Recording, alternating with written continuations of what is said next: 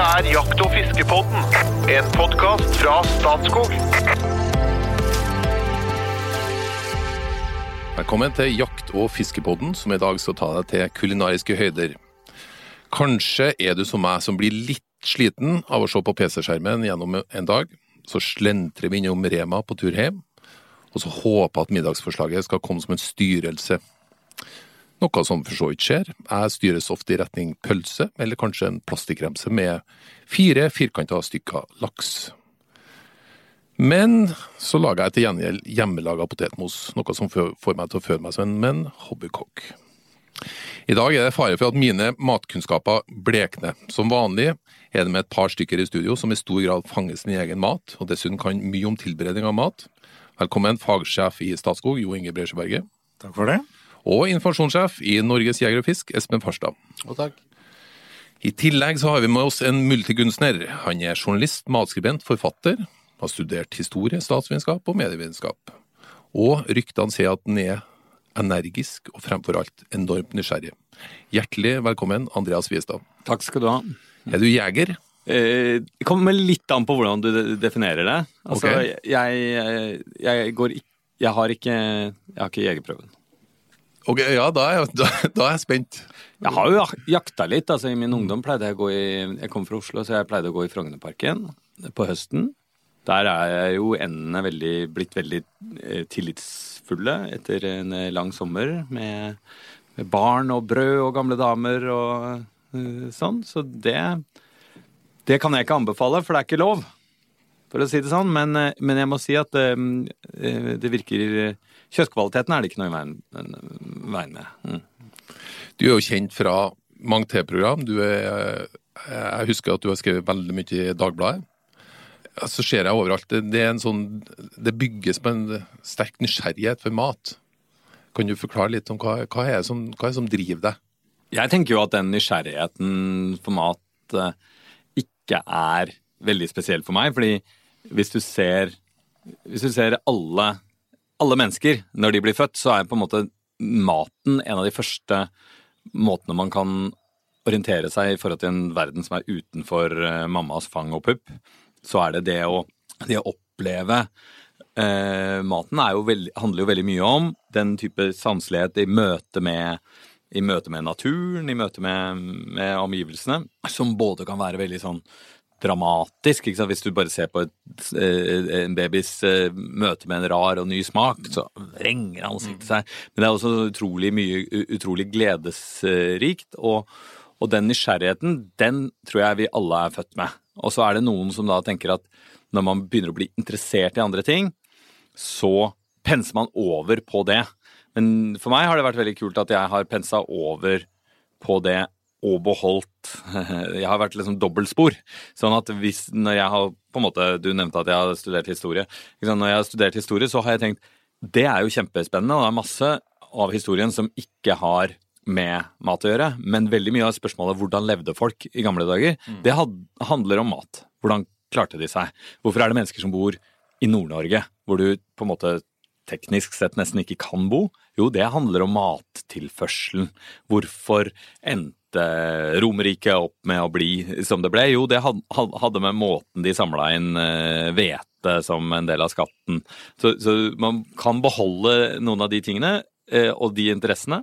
Og veldig mye når man reiser rundt i verden og møter andre folk, så er det ikke alltid at man klarer å kommunisere så innmari bra språklig, eller at man kanskje har så mye felles i forhold til hvordan man lever livet sitt. Men det å dele mat er allikevel å dele en slags forståelse av hvordan folk har det. Og det tror jeg veldig mange har. Eh, hvis man på en måte går utafor den eh, norske lysløypa eh, på Benidorm, på en måte, så opplever man jo ikke kanskje at hvis man reiser i Spania at man blir kjent med så innmari man- mange spanjoler, men man opplever at man kommer nærmere kulturen ved å se å ja, sånn gjør de med grisen, sånn gjør de her, her, nå, nå, her er det blodpølse som, er, som gjelder. Eh, hva sier det om, eh, om temperamentet og, eh, og, og folket og kulturen? Og så, og så ligger jo mye kjærlighet i mat, da. Altså, jeg har jo ei mor fra Sørlandet. Og mat er en utrolig viktig bestanddel i hennes omsorg for både sin egen familie og for venner og kjente. Det så alltid Det skal alltid mat på bordet. Eh, Det er jo en veldig fin måte å vise omsorg, det er en fin måte å være sammen på. Hvis man skulle vise den omsorgen uten det, så blir det jo sånn hysterisk. 'Å, skal jeg kjøpe deg en presang?' Nei, det kan jeg ikke. Jeg kan ikke gjøre det på liksom, hvilken som helst dag, eh, tirsdag i november, så skal jeg kjøpe deg en presang fordi jeg er glad i deg. Liksom. Det, det, det ville vært en helt absurd del av et familieliv hvis man hadde utveksla det. Så, så det er liksom en fin måte å vise en sånn hverdagslig omsorg. Og så er det jo noe av det gjeveste som man kan gjøre når man skal skeie ut og møte venner man ikke har møtt på lenge. Og det har alle de aspektene. Jo Inge, hvor ofte gjør du som meg og handler en, eh, en pose pølse og, litt, eh, og lager litt potetmos når du kommer hjem? Potetmos hender seg å lage, men å kjøpe pølse det er veldig sjelden, faktisk. Uh, unger er glad i pølse, men jeg eter ikke pølser. I veldig liten grad. Lager du pølser sjøl? Uh, ja, men da er det typisk spekepølser, ja. Så, men uh, nei, så jeg eter veldig lite pølser, jeg må innrømme det. Espen, hvor ofte kommer du med fire blokker eh, fra frossendisken med laksestykker? Nei, det, er, det er faktisk veldig sjelden, men, men ja, det her er nok litt sånn atypisk eh, norske befolkning, selvfølgelig. Det skiller seg altså, eh, Andreas snakker liksom om at, at, at, folk bor i Finnmark fordi at det var mat der. Det, det gjelder jo på en måte hele Norge. Det, altså, vi, vi har, det er jo den historien vi ofte liker å fortelle. At vi fulgte etter villreinen når istida trakk seg tilbake og bosatte oss i landet ikke sant? og høstet av naturens overskudd og henta ut. og det gjør vi jo, noen av oss som er ivrige sånne hamster i sjel. Vi, vi gjør jo det enda. Mm. ikke sant? Og vi er, vi er, jo kulturbærere av første klasse på en måte, akkurat der. Og så eh, må vi vokte oss for å ikke bli eh, snobbete på dette, i den forstand at vi altså, vi skal ikke se på ned på de som går og kjøper verken pølser eller, eller ferdigmat, tenker jeg. Men vi er heldige så vi kanskje slipper unna, Jo Inge og jeg. Jeg lager mine egne pølser. Uh, og syns at det er veldig gøy. Og, jeg elsker Jeg har tre frysere, dette har vi snakka om før. Jeg fyller opp og, og, graver meg ned og holder på. Jeg koser meg med det, liksom. Det å gå i butikken er for meg litt sånn Å kjøpe pølser. Det syns jeg er litt stusslig, egentlig. Men, men, vi må ikke bli blærete på dette, altså. Vi, vi, men vi vil gjerne invitere flere folk med inn i den verden, den der mulighetenes verden her, tenker jeg. Det, det går jo også an å Altså, jeg tror at i Norge så er vi veldig redde for Vi er veldig redde for å være snobbete og eksklusive, men det går jo an å også utfordre litt. Altså, jeg syns at det er et paradoks i Norge at vi er kanskje det landet i verden hvor størst andel av befolkningen på en eller annen måte sanker i naturen. At det har vært gjort uh, sånne undersøkelser som viser at i løpet av det siste halve året så har mer enn halvparten av befolkningen sanka i naturen på et eller annet vis. Jeg veit at det gjelder bær og sopp. Jeg vet ikke om, Fisk. eh, om fiske og, og, og, og, jakt også er en del av den statistikken, men, men, det er i hvert fall over halvparten av befolkningen. Det er nesten ingen land i, i tredje verden hvor man liksom lever helt eh, hånd til munn, hvor man fortsatt har det. Fordi nesten alle, alle land i, i hele verden er så innmari urbaniserte, og eh, man får maten i butikken. Men i Norge har vi det lille vinduet men allikevel så syns jeg det er en utrolig rar ting at tøffe jegere som virkelig liksom nyter naturen, nyter den relasjonen de har, de har ikke klart å oversette det friluftsengasjementet til at, at maten er litt meningsfull overfor det. Det er noen som har det, men men det er ganske vanlig fortsatt at man sier at det er så fint å gå på tur, la oss kjøpe med noen pølser, og så går vi ut på tur. Mm. Altså, eh, og da er man ute og ser på naturen. Eh, men hvis man klarer den der interaksjonen, eh, så er det mye mer meningsfullt. Nettopp hvis du tar med de, de pølsene du lagde av mm. den elga du skjøt på høsten, hvis du tar med dem ut når du er og fisker ørret, så er det en liksom sammenheng i, i ja, naturopplevelsen. Jeg er helt enig i det. Og, og, og og så er det, det er en sånn rar greie også blant jegere at du skyter noe, og så skal du ta det med hjem. ikke sant? Det der også, når du skyter, Hvis vi skyter en ung tiur i skauen på høsten, da, Jo Inge, når vi er ute og jakter Det skjer jo. Hvorfor, det hender jo, ja, faktisk. Ja. Hvorfor tar vi ikke og bruker litt tid på å tilberede den der og da? Å, å bruke dette viltet. Mm. Nei, det tas hjem, og det er så edelt, og så, og så pakker vi det bort. Og så, og så, blir det i en annen virkelighet, som de sier. Ja, måte, det er ikke den virkeligheten. At med en gang du har putta den i plast, så har du mista Du må i hvert fall Altså, jeg vet om noen jegere var oppe, oppe i Sokna på, på jakt uh, for et par år siden, og der hadde de som tradisjon fortsatt noen, da, ikke alle, uh, at de tok hjertet og tilberedte det med en gang. Og det er en sånn veldig fin. Og det er egentlig litt sånn Det er sånn som veldig mange jegere og sankere gjør også. at de gjør en sånn en, en, Både at de spiser, fordi at det, for eksempel hjertet, da, som jo smaker kjempegodt, eh, det er, er helt fint å spise med en gang. Men mye annet kjøtt, det kommer vi kanskje tilbake til, bør jo henges. ikke sant? Eh, Så hjertet er veldig fint å spise med en gang. Og så er det jo hjertet en sånn symboltung eh, greie. Og, og hvis du har spist hjertet til et dyr, så har du på en måte sagt 'nå er dette dyret mitt'. Nå har jeg Jeg har vunnet over dette. Jeg, respekt, jeg, jeg, jeg respekterer det. Det, er en fin, det er en fin ting både eh, gastronomisk og symbolsk. Det er med på, faktisk. Og indrefilet har vi hett i. Men Altså før du, ikke direkte i skogen, men før du sender den videre, eller prosesserer den i hvert fall. Du mener akkurat indrefileten? Som jo er, er mør fra, fra begynnelsen av. Altså, der tenker jeg at, eh, at eh, kanskje også noen har blitt litt sånn kua av at de er på innekjøkken. fordi hvis du, har, hvis du veit å tenne opp et bål, og det, det er det mange som har en stolthet i Hvis du har et bål med ordentlig glødende kull, eh, så kan du bare legge indrefileten rett ned på kullet, og bare la den ligge liksom akkurat nok til at kullene slipper, og så snur du den, og så, og så når du har bruna den på alle sider, så er den ferdig.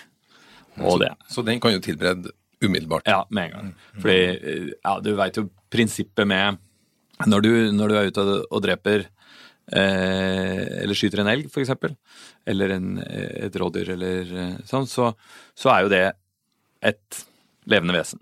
Og det du spiser som vi kaller kjøtt, det er musklene. Ikke sant?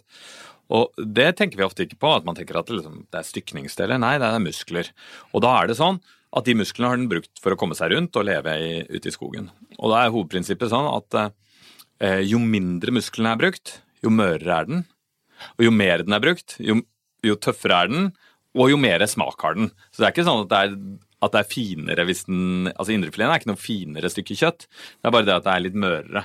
Um, men eh, det betyr også at uh, det er mørt i utgangspunktet, så du kan tilberede med en gang, mens eh, resten av dyret bør eh, henge. Og det bør henge mye, mye lenger enn folk pleier. Det er derfor det er ofte litt vanskelig å overbevise resten av familien om at viltkjøtt er veldig godt. Det er fordi at folk har en sånn engstelighet, og putter det i fryseren altfor tidlig. Det speiler seg jo faktisk når du går i butikken og kjøper et stykke kjøtt. Også. Folk velger jo det lyseste kjøttet, men burde jo kanskje velge det mørkeste som har ligget lengst. ikke sant? Ja. Marias jakttips. For å få vilt så må du prøve å tenke som det viltet du jakter på. Hvor er det best å være eller å gå, om du er en orrfugl eller en elg akkurat nå, i dette været, på denne årstida.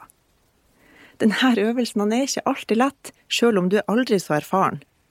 Og da er tipset heller å lokke viltet til det. Og det her er ikke så vanskelig som det høres ut. Naturligvis så kan du kjøpe inn lokkefløyter og øve det på å høres ut som ei elgku i brunst eller en orrhane i spill. Men du kan også velge å la noen gjøre det for deg. Last enkelt og greit ned Norges jeger- og fiskeforbund sin app.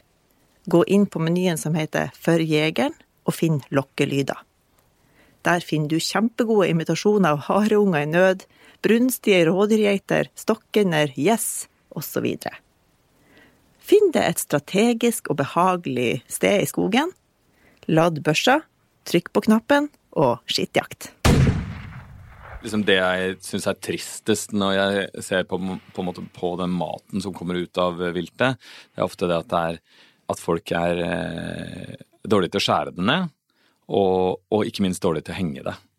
Eh, og det med å skjære det ned, det er jo en øvelsessak. at eh, Der trenger man ikke å tenke at eh, ja, det er han ene fyren som var så veldig flink som var for et par år siden. Altså, eh, han, å, ja, nei, vi er ikke noe gode. Altså, det er jo veldig lett å For det er det der med muskler. Du klarer å skille det. Du ser hvor grensene går og hinnene er. og Det trenger ikke å være perfekt, men det kan være liksom en ryddig måte å skjære det på. Og så er det det med henging. At, eh, at ofte så henger man i, i 20 og 40 eh, grader, mens eh, veldig mye vilt bør ha mange ganger så mye det. Som, jeg hadde et villsvin her jeg, for noen år siden som jeg fikk av en, eh, en kompis som hadde vært på villsvinjakt. Og han klagde, han sa at det er så gøy å gå på villsvinjakt. Det er så kjedelig kjøtt. Så jeg, men hvor lenge er det du henger det, da? Jeg henger det vel 40 til 60, kanskje. Altså graddøgn, da. Og så sa jeg, men du, du må henge det lenger. Og, og så fikk jeg i hvert fall en liten skrått av han da, som hadde hengt i et sted mellom 40 og 60. Og så hang jeg det ute i, eh, i låven i 120 grader til.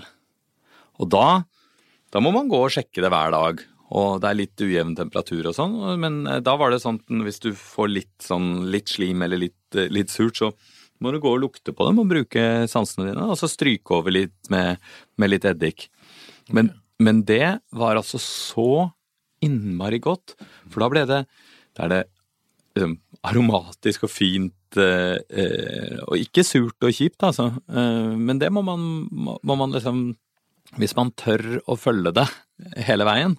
Og jeg veit om noen som med elg som har hengt eh, eh, som, Jeg bor jo i Oslo, da, så, så der er klimaet ikke helt sånn optimalt, men som bor, som bor litt eh, høyere opp, og, og som henger, henger det gjennom, gjennom hele november hvis det er sånn sant, par minusgrader på natta, og så par plussgrader på dagen. Hva er, hva, hva er det verste som kan skje hvis, du, hvis det henger for lenge? Ja, altså Hvis det henger for lenge og du ikke følger med, mm. så kan det jo bli, bli dårlig og harskt, på en måte. Men hvis du følger med, så øh, og stoler på dine sanser at det skal ikke det skal ikke lukte Altså, kroppen er jo innstilt på å sende faresignaler med en gang, med en gang det lukter Med en gang det er de greiene som stikker litt i nesa og, og sånn. Så med en gang det og så med en gang det får en sånn fin, tørr eh, overflate, og da er det særlig liksom akkurat i overgangen under bogen og sånn, liksom, hvor det er um, Hvor det liksom Akkurat som svetter under armen, på en måte. Så hvis du bare sjekker sjekker den eh, der, og da kan du stryke over med, med litt grann eddik. Og, og så stoppe den, da, hvis du ikke sant? Sånn som det villsvinet. Det hadde jeg tenkt å henge enda lenger, men da skal jeg bort en langhelg, og så var den meldt ni grader. Så tenkte jeg det tør jeg ikke. Jeg tør ikke fire dager til med ni grader ute i garasjen. Så da, da, da sa jeg nå er det stopp, nå skjærer jeg den ned. Men, men her er jo det, nøkkel, nøk, Tommelfingerregelen har jo vært 40 døgngrader. altså, ikke sant? Altså, Du tar tid eh, ganger temperatur, eller legger sammen da. så- jeg- er Ja, nei, det, ja, men det spiller jo ingen rolle. grader i ti, døgn. ja. ikke sant? Men, men så er det jo, nå er det jo veldig mange som, som eh, vakuumpakker kjøttet sitt, altså viltkjøttet sitt. Enten det er noen andre som gjør det, at du sender det fort og får det tilbake ferdig vakuumpakka, eller gjør det sjøl. Så kan du jo fortsette denne modningsprosessen i kjøleskapet, for den saks skyld, i vakuumpakking òg, vet du. Mm, ja, det er Unnskyld, jeg fikk noe så. Eh, Du, du, du får ikke økt modning. Hvis du har i vakuum, så får du ikke økt modning, du får økt mørning. Så modning handler også Modning handler både om smak og om mørning. Men i vakuum så har du en viss eh, mørning, men du får ikke egentlig modning. Så du stopper, men du stopper modningsprosessen, men du kan fortsette å mørne? Ja, men det, det vil si Altså, Du Ja, får, det- du får et mørt, smaksløst kjøtt, er det det du sier? Nei, det, det, men, men du får ikke en veldig utvikling, og det, det, det, det merker man av og til på sant, sånn type hjortekjøtt, Mm. noen ganger kan være så mørt at det er sånn at du kan spise det med skje, at det er sånn litt ekkelt på en måte nesten, men at da har du eh, Der er det jo andre, andre ting også, da, men eh, jeg, jeg tror at en, en løsning på å komme tilbake til eh, bedre viltkjøtt, særlig med det der at veldig stor andel av det viltkjøttet eh, som skytes i Norge, er jo elg. Og elg er jo kjøtt som kan være litt kjedelig. Eh, det må virkelig henges for å utvikle smaken. Men det, det er jeg enig i. Og, og, og så kan du få en viss mørning i, i vakuum, men jeg tror at, at, hvis vi tenker at det nå er litt sånn eh, kunnskapsunderskudd da, blant mange jegere, at de har på en måte vært At noen har blitt fortalt Det var noe med på en måte hele denne etterkrigsgenerasjonen som var som skjerpa greiene litt, og de skulle passe på at, eh, at det ikke gikk gærent. Og da ble det veldig, som, en veldig forsiktighetskultur som gikk veldig utover eh, smaken på maten. Jeg tror vi må bare rett og slett innse at det beste stedet å henge elgen er på låven. Ikke sant? Ikke eller, eller at man har et Og så tør, viltslakteri. og så tørre. Og så tørre. Ja, så tørre det, men, men jeg mener du må være helt sånn ikke, ikke sett han som røyker 60 om dagen og, øh, øh, og er øh, heavy dranker til å passe på den, fordi da forsover han seg og han kan ikke lukte det. Men liksom et vanlig menneske som er, har vanlige sanser i behold, vil klare, vil klare det veldig bra. Espens fisketips. Denne gangen skal du få et fisketips hvis du er ute og fisker med mark etter ørret. Eh, Jeg liker å fiske med et lite søkke eller noen splitthagl 30 cm opp på snøret. Eh, En bitte liten markkrok som, eh, som egnes med mark, men imellom splitthagla og markkroken så fester du litt foam, altså litt sånn flytemateriale som du får eh, når du kjøper deg en ny iPad eller hva det måtte være, så følg gjerne pakka inn i slikt, ta vare på det, bind på en liten en, da vil det løfte marken opp fra bunnen, mens søkket ligger nede. Supereffektivt på ørreten. Hvis jeg nå har forstått dette rett, så er det aller, aller viktigste rådet det å la kjøttet henge lenger. Det er tips nummer én for å få bedre viltsmak. Men så har du graving, speking, kaldrøyking, varmrøyking, kokt kjøtt, stekt kjøtt, grilla kjøtt, rått kjøtt, langtids og korttids. eh. De fleste gjør sannsynligvis nøyaktig det samme. Man feller elg, man får det kanskje levert, eh, får det tilbake vakuumpakka, og så lager man akkurat det samme. Har du noen triks for å få der jegeren kan gjøre noe annet? Har du noen enkle triks? Jeg tror det viktigste er, er også at man du, du må ha godt kjøtt i utgangspunktet. Det er, det er veldig mange som har det problemet med at, at liksom mannfolk som ikke lager mat, som har med hjem udefinerbare biter i en eh, i slafsete kjøtt i, i, i en pose som de gir til kona, og de forventer at kona skal em, de første åra forventer de at kona skal trylle fram de fineste retter, og så er de litt sånn eh, evig skuffa, og, og kona syns det er litt kjipt å få så utrolig mye eh, elgkjøtt, og, og, og ingen er veldig fornøyd over resultatet. Jeg tror man må også være flink til å tenke liksom, hva, hva slags stykningsdel er det? Er det, er det godt hengt? Er det, er det godt eh, tilberedt? Um, og så ser jeg at, at em, jeg er ikke noen ekspert på hva andre mennesker gjør, men jeg har jo merka meg at eh, at når, eh, når onkler og svogere eh, har sine spesialiteter med røykt et, røykt et eller annet, så er det sånn beinhardt røykt. ikke sant? Det er sånn ordentlig eh, nattklubb på 70-tallet røykt. Eh, og eh, og det, det, det, kanskje man også skulle der, da, på røykingen, heller gå tilbake til, til bålet, liksom. Sitte, prøve å, å få det litt mer finstemt. For det er ikke noe godt når det er, eh, er for hardt røykt eller uh, for uh, hardt grava. At, eh, at man heller også bør kanskje tørre å feile en gang eller to. Så ta i litt mer når det gjelder å la kjøttet henge. Ja. Ta i litt mindre når det gjelder gjelder tilberedninga. Ja. Har du noen gode tips du, Jo Inge? Nei, jeg tror tilbake til det, da. Altså at du, du starter allerede når det er felt. Når dyret er felt. Og så gjør allting riktig da. Og som andre sier, så er det mye, det er mye elgkjøtt, og nesten alt elgkjøtt er- havner fortsatt i jegeres frysebokser. Og du kan gjøre, altså fra det er felt, så kan du gjøre veldig mye galt. Men du kan òg få det til ordentlig bra. Og det ene er hygiene, ikke minst. At du, eh, at du har rene og merkete soner, og, og ikke, ikke får blod på slaktet, f.eks. Eller eh, at du ikke søler til slaktet. Og så henginga, da, som andre sier. At du passer på temperatur og fuktighet. Dere høstet vi har hatt nå med litt varmt vær og tåke og, veldig fuktig luft, det er ikke helt gunstig. Det skal, være luftig, altså henge på en låve som er luftig, og, og følge med på været, da. Og så er det Terje å henge det lenge nok, selvfølgelig. For det, det går an å gjøre veldig mye galt, men eh, fullt mulig å få det der kjempebra. Og da, derifra, så kan du gjøre det ordentlig. Men, men jeg, igjen da, så vil jeg tro at sant, eh, hvis du har en litt, eh, litt fuktig høst som er litt, eh, litt varmere enn du hadde trodd, så går det jo litt fortere, den eh, hengingen. Eh, men, eh, men det samme er det at, at hvis du går opp på låven og sjekker hver dag, så er det ikke så innmari mye gærent som kan skje. Også når det gjelder speking, så er det også sånn at hvis man bruker føre var-prinsippet hele tida, så blir det jo sånn utrolig, utrolig salt.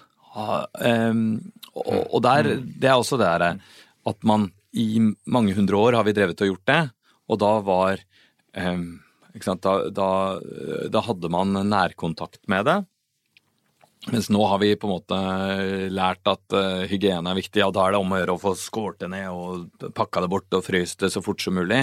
Og vi må passe på at det ikke blir skjemt, så da tar man masse salt. Mens uh, mer sånn moderne, fornuftige teknikker som det burde være mulig å gjøre i dag, er jo, er jo f.eks. at du kan uh, vakumere med salt og, og, og bruke 2,2% salt. Og så vakumerer du med det. Det, er, det er en fin måte å bruke moderne teknikk. Du bruker en digital vekt. Du ser om du husker litt av åttende uh, klasse-matten. Eller drar fram kalkulatoren på telefonen, og så sier du at, at 2,2 uh, salt vakumerer det, legger det i ti dager. Da får du en skikkelig bra balanse eh, rundt spekinga. Du, og det, nå er vi inne på noe som er veldig viktig, tror jeg. Altså, For dette, dette høres gøy ut. ikke sant? Altså, og det å leike, Mm. altså tørre å leike seg litt med maten. Ikke at du skal tulle med den, men altså, du skal leike litt og tørre å prøve ut ting og gjøre sånn, bruke moderne virkemidler sant? og verktøy. og sette sånn, da, da blir det spennende med en gang, ikke sant? Vi kan jo lage bedre mat nå enn vi kunne, enn vi har kunnet noe, noen gang i, i menneskehetens historie. Fordi du kan gå ut i skogen, og du kan fortsatt henge på låven eller i garasjen. Det kunne man for mange år siden. Men det du kan også, er at du kan ja, Nå har vi funnet ut akkurat eh, hvordan eh, Hva som er den riktige balansen på salt, f.eks. Det er masse moderne spekebøker på det. Da kan du få til noe som bare de virkelige mesterne kunne i gamle dager. Eh, så du kan få til den, eh, den balansen på en kjempefin måte. Da, da må du jo ta litt tid. Du må ta litt tid til hjelp. Og jeg, jeg føler jo kanskje at vi går i motsatt retning. Altså vi, vi har eh, ikke bare middagstips som du kan lage på 30 minutter, men nå, nå har du jo ferdig. Sant? Du kan sette i mikrobølgeovnen, og det er ferdig på tre minutter. Sånn at vi skal få enda mer tid til å ta en tur på spinningsenteret osv. Det krever litt tid. Hvis du, skal, du må tillate deg å bruke litt tid da, på å eksperimentere. Eh, De som driver med jakt og fiske, gjør det jo ikke primært fordi det er eh, tidsbesparende. Eh, De gjør det jo fordi at det er en, at det er en ting som tilfører livet deres mye. Og der tror jeg at, at kanskje det, det, det jeg tror de som opplever at de både får nærkontakten med natu naturen og det gode måltidet de kan dele med vennene sine og skryte, men også den gode bekreftelsen av dette på en vanlig tirsdag, de er de som får det rikeste utbyttet av det. Og der er det litt sånn teit ting med norsk eh, matkultur som vi bare må prøve å se om vi kan gjøre, gjøre noe med. Det er det der at, at man liksom girer At man sier den gode maten, den tilhører når vi fikk vennene våre. Eh, når vi inviterer venner over på det store måltidet. Skryt, skryte av dyret vi skøyt-måltidet. Men hvis vi da har la oss si 100 måltider til av det samme dyret, så er det innmari kjipt hvis det bare er sånn ah, er det elggryte nå igjen? Eller elgspagetti med elgkjøttdeig. Liksom, åh. Vi nærmer oss slutten. Nå har jeg jo to stykker som stort sett ikke gjør noe annet enn å jakte, og så har jeg en som stort sett ikke gjør noe annet enn å tenke på mat. Så nå vil jeg ha de tre beste tilberedningstipsene nå. Eller ikke de beste. Gi meg tre gode tilberedningstips.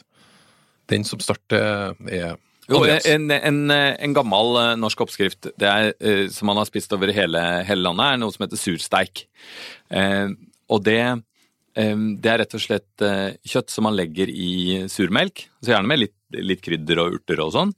Eh, og kanskje det er den tingen du skal gjøre hvis du har et stykke bog eller litt sånn usikker på akkurat hva er denne stikningsdelen. For da kan du rett og slett mørne det videre i den surmelka, og fordi at den er litt sur, så eh, bidrar det både til mørning og til å sørge for at det ikke blir skjemt. Så da kan du legge det gjerne i ti dager, og så når du da bruner det og steiker det i ovnen, så får du en ekstra god smak fordi at det, det melke, melkeproteinene eh, bruner.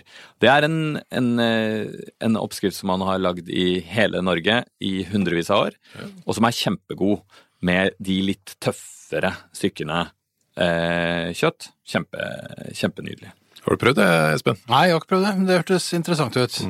Jeg vil slå et slag for å koke litt kjøtt, jeg. Altså, nå har det mange år vært sånn at vi skal steke, og nå har vi lært oss å steke kjøttet, bare, det skal bare kysse panna og alt dette her, ikke sant. Men nå, egentlig det å få eh, kokt en ordentlig god gryte, viltgryte, liksom, hvor det koker lenge, og hvor du har ja, koke i øl, for eksempel. Tilføre litt smaker underveis. Kirsebær er jeg veldig glad i å ha oppi sånne type gryter og sånn. Blir veldig, veldig godt, altså. Så det, det å la det på en måte få litt tid, eh, ja, det er godt kokt.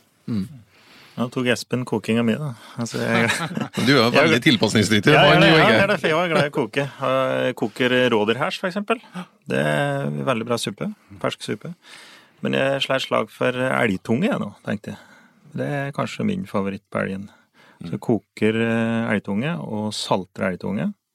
Det, og bruker som pålegg, eksempel. Det, er, eh, det kan anbefales. Jeg ser når jeg kontrollerer ganske mange elgskaller, og det er mange som ikke tar ut tunga. Da blir jeg litt skuffet. Hvis jeg måtte velge et eller annet på elgen, så tror jeg kanskje jeg starter med tunga. Innmari godt også. Litt grann tunge i en, i en, i en gryte. Det er altså sånn Det er en fantastisk eh, kraft, altså. Kan anbefales. Hjertelig takk. Da har vi kommet ved veis ende. Takk til Andreas, takk til Espen, og takk til Jo Inge. Velkommen tilbake til Jakt- og fiskebåten.